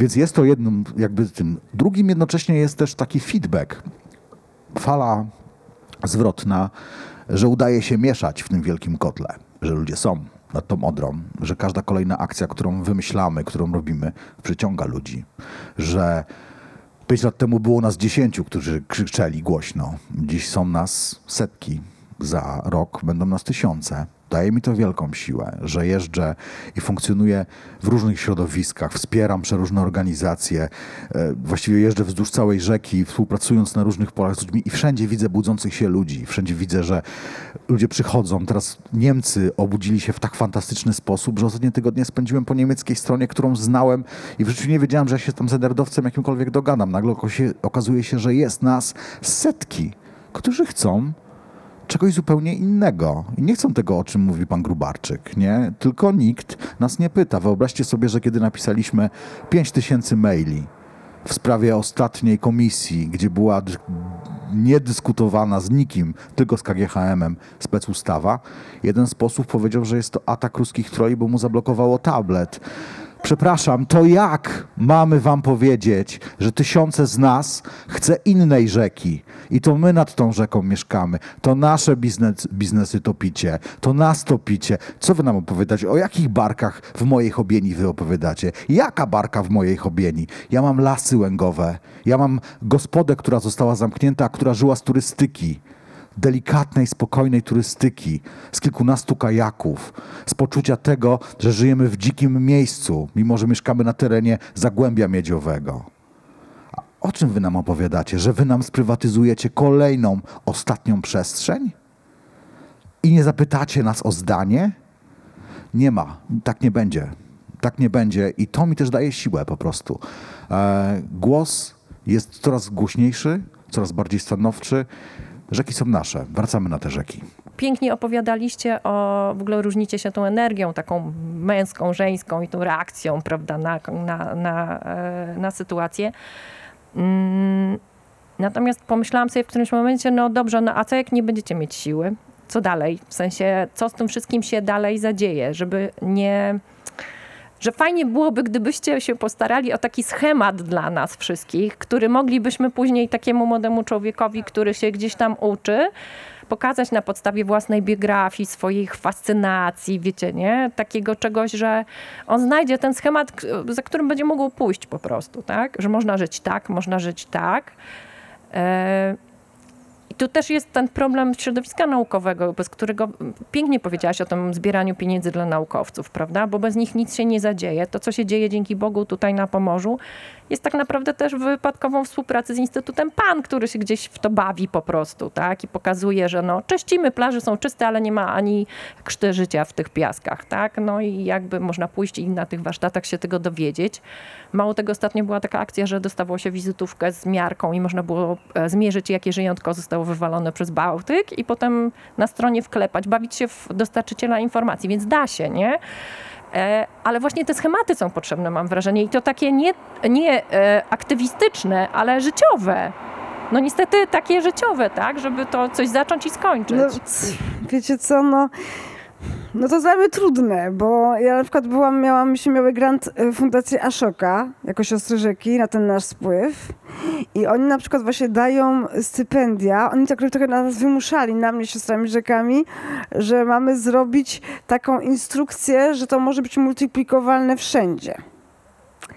I na przykład wielu osobom, Klub Gaja na przykład, y, stał się Jacek Bożek członkiem społeczności Ashoka globalnej, bo on zrobił, on sprowadził, to nie jest jego pomysł, on sprowadził Big Jump i Drzewo Roku do Polski i zrobili taki cały system koordynatorów, że rzeczywiście szkoły wiejskie w całej Polsce, szkoły biorą udział w Drzewie Roku, w Big Jump i zrobili taką rzeczywiście taką edukację, która się bardzo rozszerzyła i jakby każdy może to powtarzać. No i ja teoretycznie mogłabym też oddać swoje życie temu, żeby zrobić taki, taki manual z rzek. To jest bardzo proste, można by to zrobić, bo to już jest tak dobrze wymyślone, że zostaje się rzeką, robi się działania edukacyjne, zrobić, skupić się na tym, żeby zrobić super stronę internetową, żeby to mogło być powtarzalne, żeby były materiały dla nauczycieli, dla różnych osób. To, to można by zrobić. Mogłabym na przykład się tym zająć, że zrobię z rzek projekt, który można robić w Polsce i w Europie. Spokojnie. Bardzo edukacyjny, uczący aktywizmu. No, a ja sobie tak myślę, no i tak dużo zrobiłam, i tak już dużo sióstr rzek y, miało jaja, że zrobiły same beze mnie, bo już lubuskie siostry rzeki coś zrobiły, gdzieś tam siostry rzeki coś zrobiły, a ja na przykład zrobiłam film, który dałam za darmo, nie tak jak Ewa Ewart, za darmo w internecie siostry rzeki i bardzo dużo ludzi ogląda, bo ciągle ktoś do mnie pisze, jakiś flot festiwal już drugi raz, a jakieś liceum, MSK, drzewy staj klimatyczny, a jakieś czyste Tatry, czy mogą sobie puścić na swoim festiwalu za darmo, bo kto daje za darmo filmy, ale mój film sobie mogą puścić. I po prostu, no zrobiłam film, który jest, łapie za serce, z przepiękną muzyką, zaczyna się muzyką Michała Zygmunta. да, Ja płaczę przy mistrzu, który otwiera film Siostry Rzeki. No tak, dałeś, dałeś. To jest takie wzruszające, takie piękne, więc zrobiłam, jakby dałam ten film, no nie, i e, który bardzo prosto to wszystko opowiada, o czym ja tutaj mówię. I teraz na przykład tak się, y, cieszę się, że na przykład moja długoletnia e, działalność jako aktywistki i artystki e, zaowocowała, że na przykład wydawnictwo literackie zamawia u mnie książkę dla dzieci o Wiśle, w którym ja teraz muszę, e, przez kilka miesięcy pracowałam nad tym, żeby przełożyć na taki naprawdę bardzo zrozumiały język to wszystko. Tą wiedzę e, tylu ludzi, też tą przygodę, miłość, zachwyt, żeby to jakoś opowiedzieć prosto.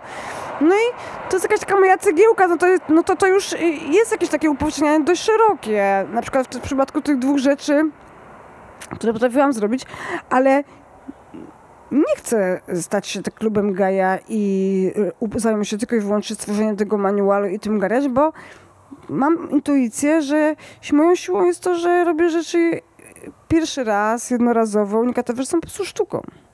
No. Dlatego, bo to wszystkie rzeki powstały, nie, nie powtórzyłam, ja nie, nie, nie, skorzystam z żadnego formatu, który istnieje. Każdy format, którego już było bardzo wiele, po prostu od początku wymyśliłam. y, dzięki mojej wyobraźni, dzięki moim rodzicom, dzięki tym, tym, kim jestem. I to jest jakiś mój wkład. Po prostu moja cegiełka, w którym dołączam się do y, jakiegoś tam ratowania rzek, które kocham y, jako artystka. No a nie zmieniam po prostu tak zupełnie. Więc włączam się w edukację, ale jakby nie przechodzę już tak zupełnie, że będę po prostu zajmowała się już tylko taką edukacją. Myślę, że nas jest bardzo dużo i że siłą właśnie sióstr rzek, którymi wszystkie możecie być i braci potoków, właśnie jest to, że możemy tworzyć zespoły ludzi o bardzo różnych kompetencjach. I to jest właśnie najwspanialsze, że my na przykład mamy dziewczynę, która umie zrobić media, w godzinę, co ja bym robiła przez dwa tygodnie po prostu, no nie? Że ktoś znowu jest na przykład ekspertem i ma liczby, ma fakty, ma tabelki, że siłą jest to, że po prostu możemy, y, jesteśmy bardzo różnorodni, mamy bardzo różne zdolności, możemy, y, każdy może robić to, co umie najlepiej. E, Ja szanuję nauczycieli, że zawsze mają dobre zdanie o tym, że tak naprawdę coś tam się dzieje, że namalowaliśmy fajny obrazek. Ja uważam jednak, że po owocach ich poznacie, a owoce jak na tę chwilę są kiepskie, bo przypominam, że e, to, dlaczego w ogóle betonuje się rzeki, nie jest spowodowane chęcią betonowania rzek, tylko jest spowodowane e, poniekąd propagandą, czyli okazuje się, że większość społeczeństwa woli słuchać tamtych bajek. No i ja nie jestem takim entuzjastą, a jednocześnie nie wierzę w gotowy plan dla wszystkich, bo nie, no nie wierzę w niego, ale robię też bardzo dużo dla edukacji, tylko wydaje mi się, że to się dzieje na innym poziomie, bo dzieje się tak, że dziś sektor kultury bardzo wziął się za mm, edukację ekologiczną. Ja pewnie tak jak i Cecylia jesteśmy zapraszani do bibliotek, domów kultury, wszystkich, wszelkie festiwale mówią o przyrodzie, o rzekach, tak? Wyszło to. Ja założyłem inicjatywę związaną z Rzecznym Uniwersytetem Ludowym, czyli że pływamy statkiem i uczymy dorosłych ludzi rzeki i nie uczymy ich w formie wykładów, tylko w formie przeżywania. Jedyną nadzieją jest to, żebyśmy przeżywali. Jest ta, trochę tak, że dzisiaj y, słuchałem wspaniałej, e, która o, dokładnie opisuje tą sytuację w radiu, jadąc tutaj do Was. E, opowiadano o śpiewie wydm. Bardzo dużo opowiadali, tylko nie włączyli dźwięku tych śpiewów wydm. To było super wspaniałe. Jakby można posłuchać na przykład e, w szkole audycji o dzięciole, ale nigdy go nie usłyszeć, nie? A co zrobimy, kiedy go naprawdę usłyszymy, kiedy to przeżyjemy, kiedy wejdziemy na rzekę? Ja zabieram ludzi na rzekę. Kombinuję jak mogę. Robimy w, ramach tych środowisk, z których ja się wywodzę, po prostu taką robotę, że to na pewno musi być antysystemowe, bo dzisiaj system no, na tę chwilę działa w odwrotną stronę. Sami to wiemy, jakie są ambicje rządu. Niestety uważam, że jest to również pokłosiem kiepskiej edukacji. E, dlatego, że łatwiej ludziom wpierać historię z lat 60. niż e, rzeczywiście po prostu popatrzeć e, twardo na to, co się dzieje. I jakby no właśnie o to chodzi, że jednocześnie kwestionuję tą edukację, ale też dużo robię dlatego, żeby ta edukacja przyszła nowa, nie? żeby było to inaczej, że to lokalne stowarzyszenia, że to lokalność jest historią. To, że wyobraźcie sobie, ja mówię, ja mam dziecko na edukacji domowej, nie wierzę w system na tę chwilę, ale jednocześnie mieszkam na wsi, gdzie jest po prostu bardzo e, słaba szkoła. Nie dlatego, że są słabe dzieci czy słabi nauczyciele, tylko dlatego, że tak jest, że po prostu dzisiejsza słaba, szkoła w ogóle jest słaba. Jest taka piękna historia. No, mm, muszę mieć dziecko w jakimś parasolu, w jakiejś szkole. Jest to szkoła wolna. Wtedy chodziła do Wrocławia i te dzieci czasem z tych moich zaprzyjaźnionych szkół alternatywnych przyjeżdżają do mnie do Łęgów. Ja ich zabieram, pokazuję im bieliki, pokazuję im to wszystko. I to ciekawe, po którejś tej wizycie przyszła lokalna, lokalna lokalni mieszkańcy wsi, no ja stamtąd nie pochodzę, mieszkam tam od kilku lat i, i zapytali, czy to prawda, że tu dzieci z Wrocławia przyjeżdżają do mnie na edukację z, z prywatnej szkoły. Ja mówię, że tak. Więc oni mówią, to może kiedy, a kiedy nasze dzieci zabierzesz? Nie? Trochę to tak działa. E, czy na przykład e, Często słyszałem to pytanie, mieszkając w tej mojej chałubinie, a po co ty tutaj jesteś? Czemu ty ten Wrocław zostawiłeś? Przecież my wszyscy byśmy chcieli być tam. No więc ja im opowiadam o tych żurawiach, o tym wszystkim. No oni oczywiście mówią, no ale przecież to, to tylko krzaki, to nie jest w ogóle ciekawe, nie? We Wrocławiu jest ciekawsza Odra. Ale potem przychodzą i mówią, a możemy zrobić wystawę na przykład swoich zdjęć, które robisz. Ja mówię, słuchajcie, ale po co? Przecież ja to robię za oknem, wy tylko wystarczy, że tam popatrzycie. A, to tak nie widać, nie? Wiecie, co chodzi. Więc trochę jest tak, że no nie, ma, nie ma nas na tych rzekach. I póki tam nie wrócimy, nie? Póki po prostu... Mm, dla mnie na przykład bardzo ważną rzeczą w edukacji, bo wiecie, u nas jest też ten problem i to jest... Każda rozmowa z politykiem u nas kończy się tak samo. Jest edukacja i wszyscy... My dla dzieci kurde, są dorośli. Jest masa nic niewiedzących ludzi, dorosłych. Nic. Kto ich edukuje? Nikt ich nie edukuje. My, je, my ich edukujemy jako niezależne po prostu sytuacje. Dla mnie to jest wartość. Dla mnie na przykład wprowadzenie tradycji drewnianych łodzi, które skończy się falą, tak jak na Wiśle i wprowadzi tysiące ludzi nad rzekę, jest dużo ciekawsze niż uczenie ich gatunków ptaków. Tak? Y, Prowadzę słuchowiska, gdzie po prostu przeprowadzam ludzi tylko za pomocą nagrań natury przez całą rzekę. I oni wychodzą zupełnie z innym podejściem. Trzeba szukać alternatywy. Nie wierzę w system, nie wierzę w jedno systemowe gotowe rozwiązanie, bo to systemowe rozwiązanie skutkuje tym, co mamy dzisiaj. Sądzę, że jest tysiące różnych dróg. Sądzę, że instytucje kultury, sądzę, że mm, biblioteki, te wszystkie miejsca, muzea muszą się włączyć dzisiaj w ten dyskurs. Gdzie są domy kultury?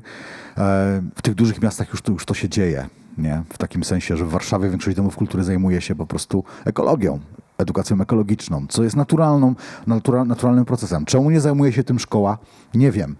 E, no, możemy zwalać po prostu wszystko, ale póki jakby też chyba się środowisko nauczycielskie nie otrząśnie no, z tym, że, że jest dno, to, to, to nie będzie dobrze. Ale ja nie będę tutaj y, teraz krytykował.